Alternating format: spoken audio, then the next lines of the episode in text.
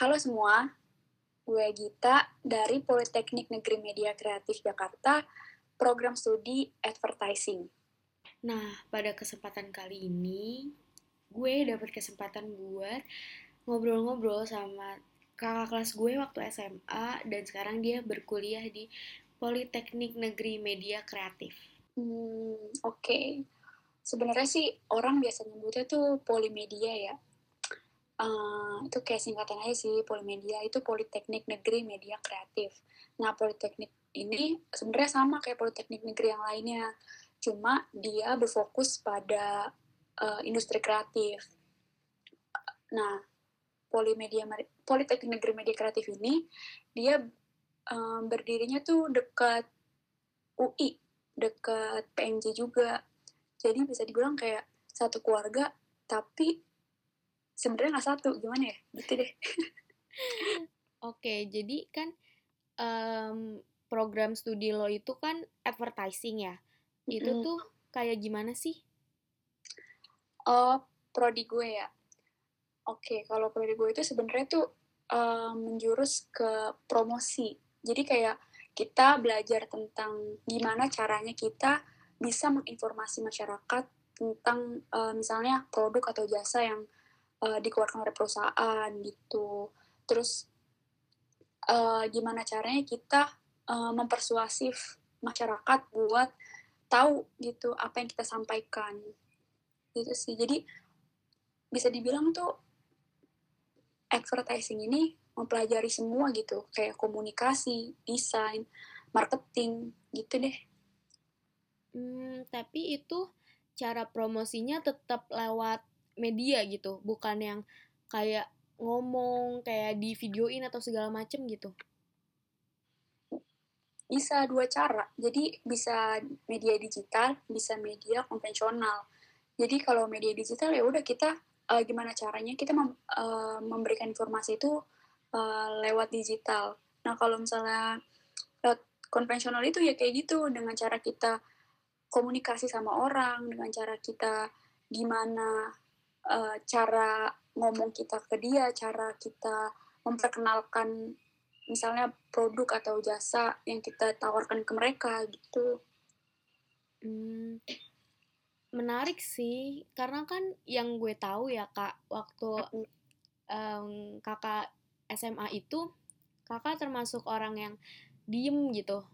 Kesusahan gak sih kayak kan kakak berarti harus banyak bicara sama orang, promosi segala macem. Sedangkan waktu SMA tuh kakak kayak lebih pendiam gitu.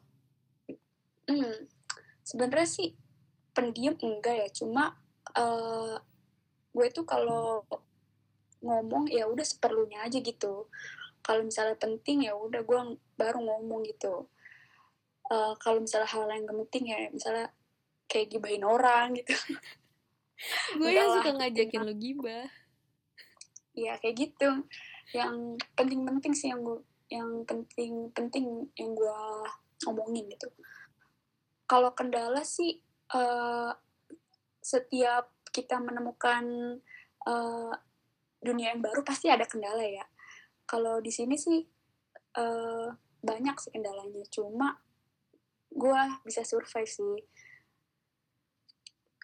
Hmm. Kayak mau contohin nggak kendalanya tuh apa? Oh boleh boleh kali aja bisa jadi pelajaran gitu kak. Kayak gimana ya?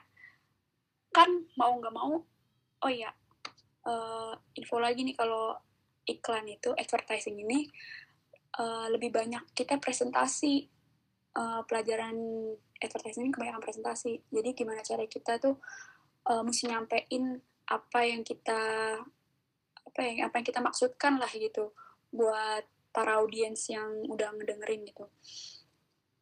Kalau kendala sih paling uh, kadang suka ngeblank gitu.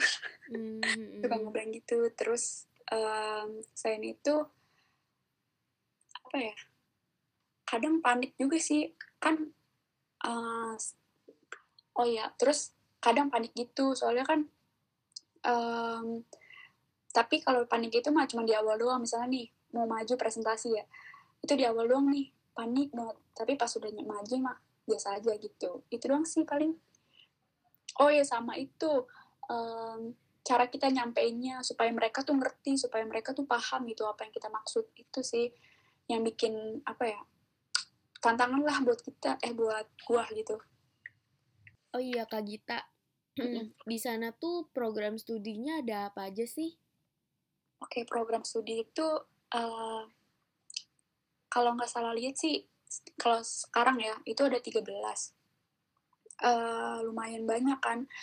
Yang pertama itu ada teknik grafika, terus penerbitan, desain grafis, teknik kemasan, fotografi, periklanan periklanan ini yang gue tekuni sekarang, terus desain grafis, uh, desain grafis multimedia, ada yang desain grafis, animasi itu ada dua tuh, terus ada broadcast sama uh, perhotelan, desain mode, eh pokoknya banyak deh pokoknya nanti kalau misalnya mau lebih lengkap dan informasinya lebih uh, atau penjelasannya lebih dalam itu ada di websitenya. Sama ada IG-nya juga kok. Hmm gitu. Nah ini tuh menurut gue ya paling menarik ya. Kan namanya itu Politeknik Negeri Media Kreatif ya. Nah apa harus jadi kreatif dulu baru bisa masuk di sana? Kalau misalkan ya orang-orang kayak gue gitu yang gak kreatif gitu itu gimana kalau masuk sana? Eh sebenarnya nih semua orang itu kreatif tahu dari lahir.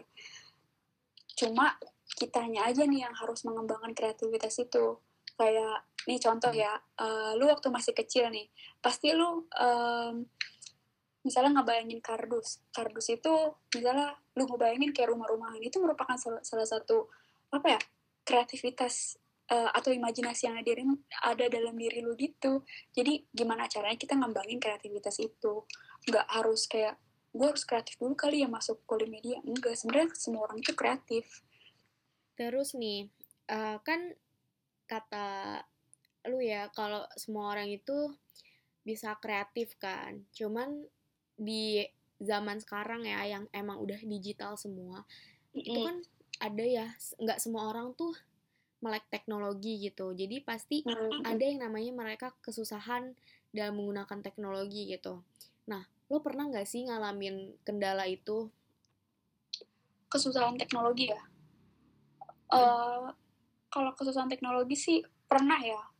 Bisa dibilang pastilah pasti kan uh, kita kan namanya juga kalau gue ya kan gue dari SMA ya. Dari SMA itu nggak pernah yang berhubungan sama kayak desain desain gitu. Nggak nggak pernah berhubungan sama yang namanya software software gitu kan. Nah pasti kesusahan gitu buat uh, tahu gitu gimana cara ngoperasiin software software yang gue pakai sekarang ini. Nah ya itu paling kuncinya ya belajar belajar terus. Dan gue juga apa ya hmm, mulai belajar desain itu juga kayak awalnya terpaksa gitu loh. Jadi awal terpaksa karena tuh dulu, dulu gue SMA itu sebenarnya kan suka ikutin event-event sekolah gitu ya. Nah event sekolah itu gue juga suka dijadiin panitia DPD tau kan DPD mm -hmm. ya desain publikasi uh, dokumentasi nah itu mengharuskan gue untuk bisa um, mengharuskan gue untuk bisa belajar tentang desain-desain gitu. Nah, gue mulai belajar dari situ tuh. Jadi, itu yang mengharuskan gue untuk melek gitu, melek teknologi. Gitu sih. Nah, pas sampai kuliah ini, baru gue mulai kayak, apa ya, enjoy lah bisa dibilang uh, untuk belajar teknologi, mendalami teknologi gitu.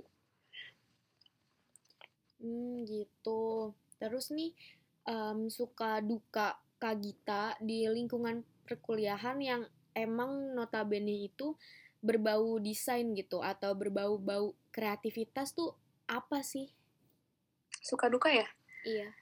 Hmm, sukanya sih lebih banyak pengalaman yang gue dapet ya. Kayak yang tadinya gue belum tahu apa-apa soal desain, yang tadinya gue nol banget lah bisa dibilang. Yang tadinya gue nggak pernah belajar animasi, belajar uh, ngedit-ngedit video gitu nggak pernah gue namanya nyentuh itu gue jadi mulai apa ya punya banyak gitu pengalaman punya banyak gitu pembelajaran dari uh, desain ini. Terus itu sih paling sukanya tuh banyak pengalaman. Terus uh, juga teman-teman juga ngedukung gitu.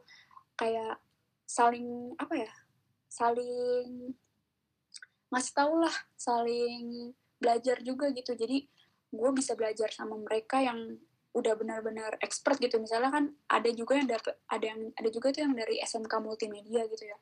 Ya mereka udah mulai tahu duluan gitu apa itu desain apa itu di apa itu software-software yang digunain. Itu mereka udah tahu duluan. Nah jadi kayak saling berbagi itu sukanya itu dukanya paling apa ya hmm. um, duka pas perkuliahan sih telat aja telat karena kan di rumah gua sama eh rumah gua sama kampus itu kan jaraknya kan lumayan ya. Mm-hmm. Kalau dari rumah tuh dua jaman lah dari rumah ke Depok bisa dua jam. Ya paling itu doang sih. Jadi telat gitu pas masuk uh, kadang nggak di absen gitu deh. Gitu sih dukanya paling. itu mah gue juga sering. ya itu kan iya benar itu paling. Selain itu enggak deh kayaknya nggak ada kendala lagi. Eh nggak ada apa-apa lagi deh uh, tadi kan kata Kak Gita tuh Kak Gita sebelumnya nggak pernah yang namanya nyentuh-nyentuh uh, edit video, animasi segala macam. Nah, mm -hmm. pernah nggak sih waktu kuliah kan udah mulai tuh ngedit video mm -hmm. segala macam. Pernah nggak ngerasa kayak gue capek nih, gue nggak bisa, nggak ngerti, nyerah segala macam. Dan cara ningkatin semangatnya tuh kayak gimana? Oke, okay itu sering banget sih itu bener sering banget. Kayak sebenarnya sih uh, bukan kayak capek gitu ya paling kan gak ada inspirasi gitu. Kayak aduh gue mau buat apa nih ya? Gue disuruh misalnya gue disuruh buat uh, animasi berjalan gitu ya. Tapi gue bingung aduh apa yang mesti gue buat? Apa ya? Gitu kayak kayak lebih ke inspirasinya gitu loh yang susah nyarinya. Nah gue sih kalau cara ningkatinnya itu gue uh, mesti di apa ya didorong gitu. Sama misalnya ada yang udah jadi gitu ya misalnya ada yang udah jadi. Nah itu memacu gue untuk uh, gini lah dia udah jadi kenapa gue enggak? Jadi gue mesti jadi gue nyari referensi gitu. Palingan gue cara ningkatin semangatnya itu dengan uh, lihat yang orang yang udah selesai gitu bisa dibilang lu ngeliat orang yang udah lebih sukses dari lu gitu jadi lu harus lebih sukses juga dari dia gitu jadi uh, eh, gue mulai nyari-nyari referensi gitu pengen gitu sih hmm. nah kan uh, kata Kak Gita tadi pas kita ngobrol-ngobrol Polimedia mm -hmm. ini masih buka ya pendaftarannya nah mm -hmm. Kak Gita tuh sebelum ya sebelum masuk Polimedia itu persiapannya tuh kayak gimana sih? Mulai dari cara belajarnya terus eh, persiapan-persiapan uh, lainnya gitu. Okay. oh iya uh, kalau mau info yang lebih lanjut itu ada di ada di Instagram Polimedia. Nah itu ada info tentang cara masuk kayak gimana cara daftarnya gimana itu bisa lihat teman-teman. Terus kalau buat persiapan ya dulu gue itu masuk masuk periklanan ini lewat jalur mandiri jadi dites gitu kan nah waktu itu sih gue pas banget um, ada tes di PNJ juga jadi gue tuh nyari-nyari info gitu kan tentang pendaftaran yang buka tuh apa aja nah muncullah tuh uh, yang pendaftaran masih buka tuh Polimedia, PNJ, pokoknya yang Politeknik gitu. Tapi kalau Poltekkes tuh udah tutup deh kayaknya waktu itu. Mm-hmm. Jadi gue uh, memutuskan untuk uh, daftar yang masih buka aja gitu. Pokoknya masih buka gue daftarin semua tuh. Terus um, ya udah kalau cara persiapannya sih gue mulai belajar itu soal-soal jadi gue tuh nggak nggak belajar materi ya gue udah langsung belajar soal pokoknya uh, latihan soal deh intinya. Terus uh, gue nyari soal-soalnya itu di internet. Jadi gue nyari keywordnya itu um, soal-soal politeknik gitu. Soal-soal masuk politeknik gitu deh pokoknya. Nah itu abis itu gue print. Pokoknya ada banyak deh uh, ada um, ada berapa lembar gitu. Pokoknya banyak banget itu sampai satu buku ada kali. Nah itu dimulai diisi-isi aja gitu diisi diisi sehari bisa ngabisin satu bab gitu loh. Gitu doang sih persiapannya cuma ngisi-ngisi soal doang. Soalnya itu juga sebenarnya tuh nggak susah-susah banget ya menurut gue soalnya uh, bukan kayak so kan lu kan ada SBM kan SBM tuh so soalnya emang benar hot semua gitu. Kalau ini tuh soalnya tuh um, kayak soal UN sih bisa dibilang kalau menurut gue ya tapi nggak tahu sih kalau menurut kalian uh, eh, UN aja susah so soal UN dulu tuh kayak gitu Rin kayak so soal UN tuh kayak apa ya um, berdasarkan materi yang diajarin guru gitu ngerti nggak? Hmm, beda ya iya. tahun gue. Nah gitu bedanya gitu kan. Jadi uh, yang penting sih intinya latihan latihan soal terus latihan soal terus. Udah pas tesnya tuh pas tes polimedia gue ngisinya tuh enak gitu. Soalnya kayak apa ya ada yang udah gue pelajarin uh, di soal-soal yang kemarin udah gue pelajarin gitu. Jadi enak misinya caranya gitu caranya tuh sama. Ya walaupun misalnya angkanya beda tapi caranya sama sama banget itu sih paling persiapan gue cuma ngisi soal soal soal soal soal. Ya lu belajar mulu waktu itu. Nggak juga. Susah ya diajak mainnya. Ya uh, iyalah. Um, terus nih tips buat Kak Gita dan apa ya uh, Kak Gita pasti punya dong motivasi diri Kak Gita. Bisa dong di share ke teman-teman tips sama motivasi Kak Gita tuh apa oke okay, kalau tips gua tips motivasi ini gabungan lah uh, itu jangan pernah berhenti meskipun lu capek lu uh, jenuh, bosan, pokoknya jangan pernah berhenti. Um, ada saatnya lu capek gitu ya, tapi jangan pernah berhenti. Walaupun itu uh, lu lakuin misalnya, misalnya nih, uh, lu ngedesain ya, lu ngedesain, lu setiap hari ngedesain terus. Lu boleh capek gitu, lu boleh jenuh, tapi jangan pernah berhenti buat uh, bikin karya gitu. Oh iya sebenarnya tuh jurusan gue tuh sebenarnya ada di mana-mana Rin. Mm -hmm. cuma emang nggak ke expose aja. Kayak misalnya di UI sebenarnya ada tuh. UI pokoknya di kampus-kampus gede juga banyak tapi nggak ke expose aja banyak-banyak hmm. cari um, jurnal bacaan gitulah mengenai jurusan Hmm, jadi tuh sebenarnya ya semua universitas itu punya nggak semua sih, tapi banyak yang punya jurusan advertising ini.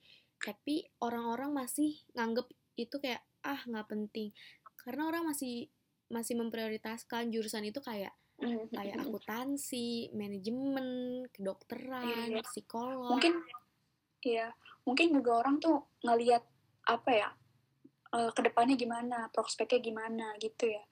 Jadi orang tuh kadang uh, pengen yang prospeknya tuh bagus gitu. Jadinya ya udah yang ngeliat-ngeliat yang bagus aja, ngeliat-ngeliat yang terkenal aja gitu. Padahal masih banyak jurusan yang gak terkenal tapi bagus gitu. Iya bener banget. Orang-orang banyak yang ngambil secara generalnya aja ya nggak terperinci gitu. Kak Gita kan tadi katanya jurusannya itu uh, belum dilirik sama banyak orang ya. Nah, supaya dilirik nih, Kak Gita bisa dong kasih tahu kalau prospeknya itu kayak gimana sih kalau jurusan advertising tuh? Oh, advertising ya. Sebenarnya tuh advertising uh, di Polimedia, setahu gue tuh luas banget ya. Bener luas banget. Jadi bisa jadi desainer maksudnya kayak yang ngedesain ngedesain lah ngedesain produk ngedesain konten ngedesain pokoknya tentang desain lah tuh malah kebanyakan uh, jurusan advertising ini prospeknya tuh di desain tuh terus uh, ada lagi social media admin.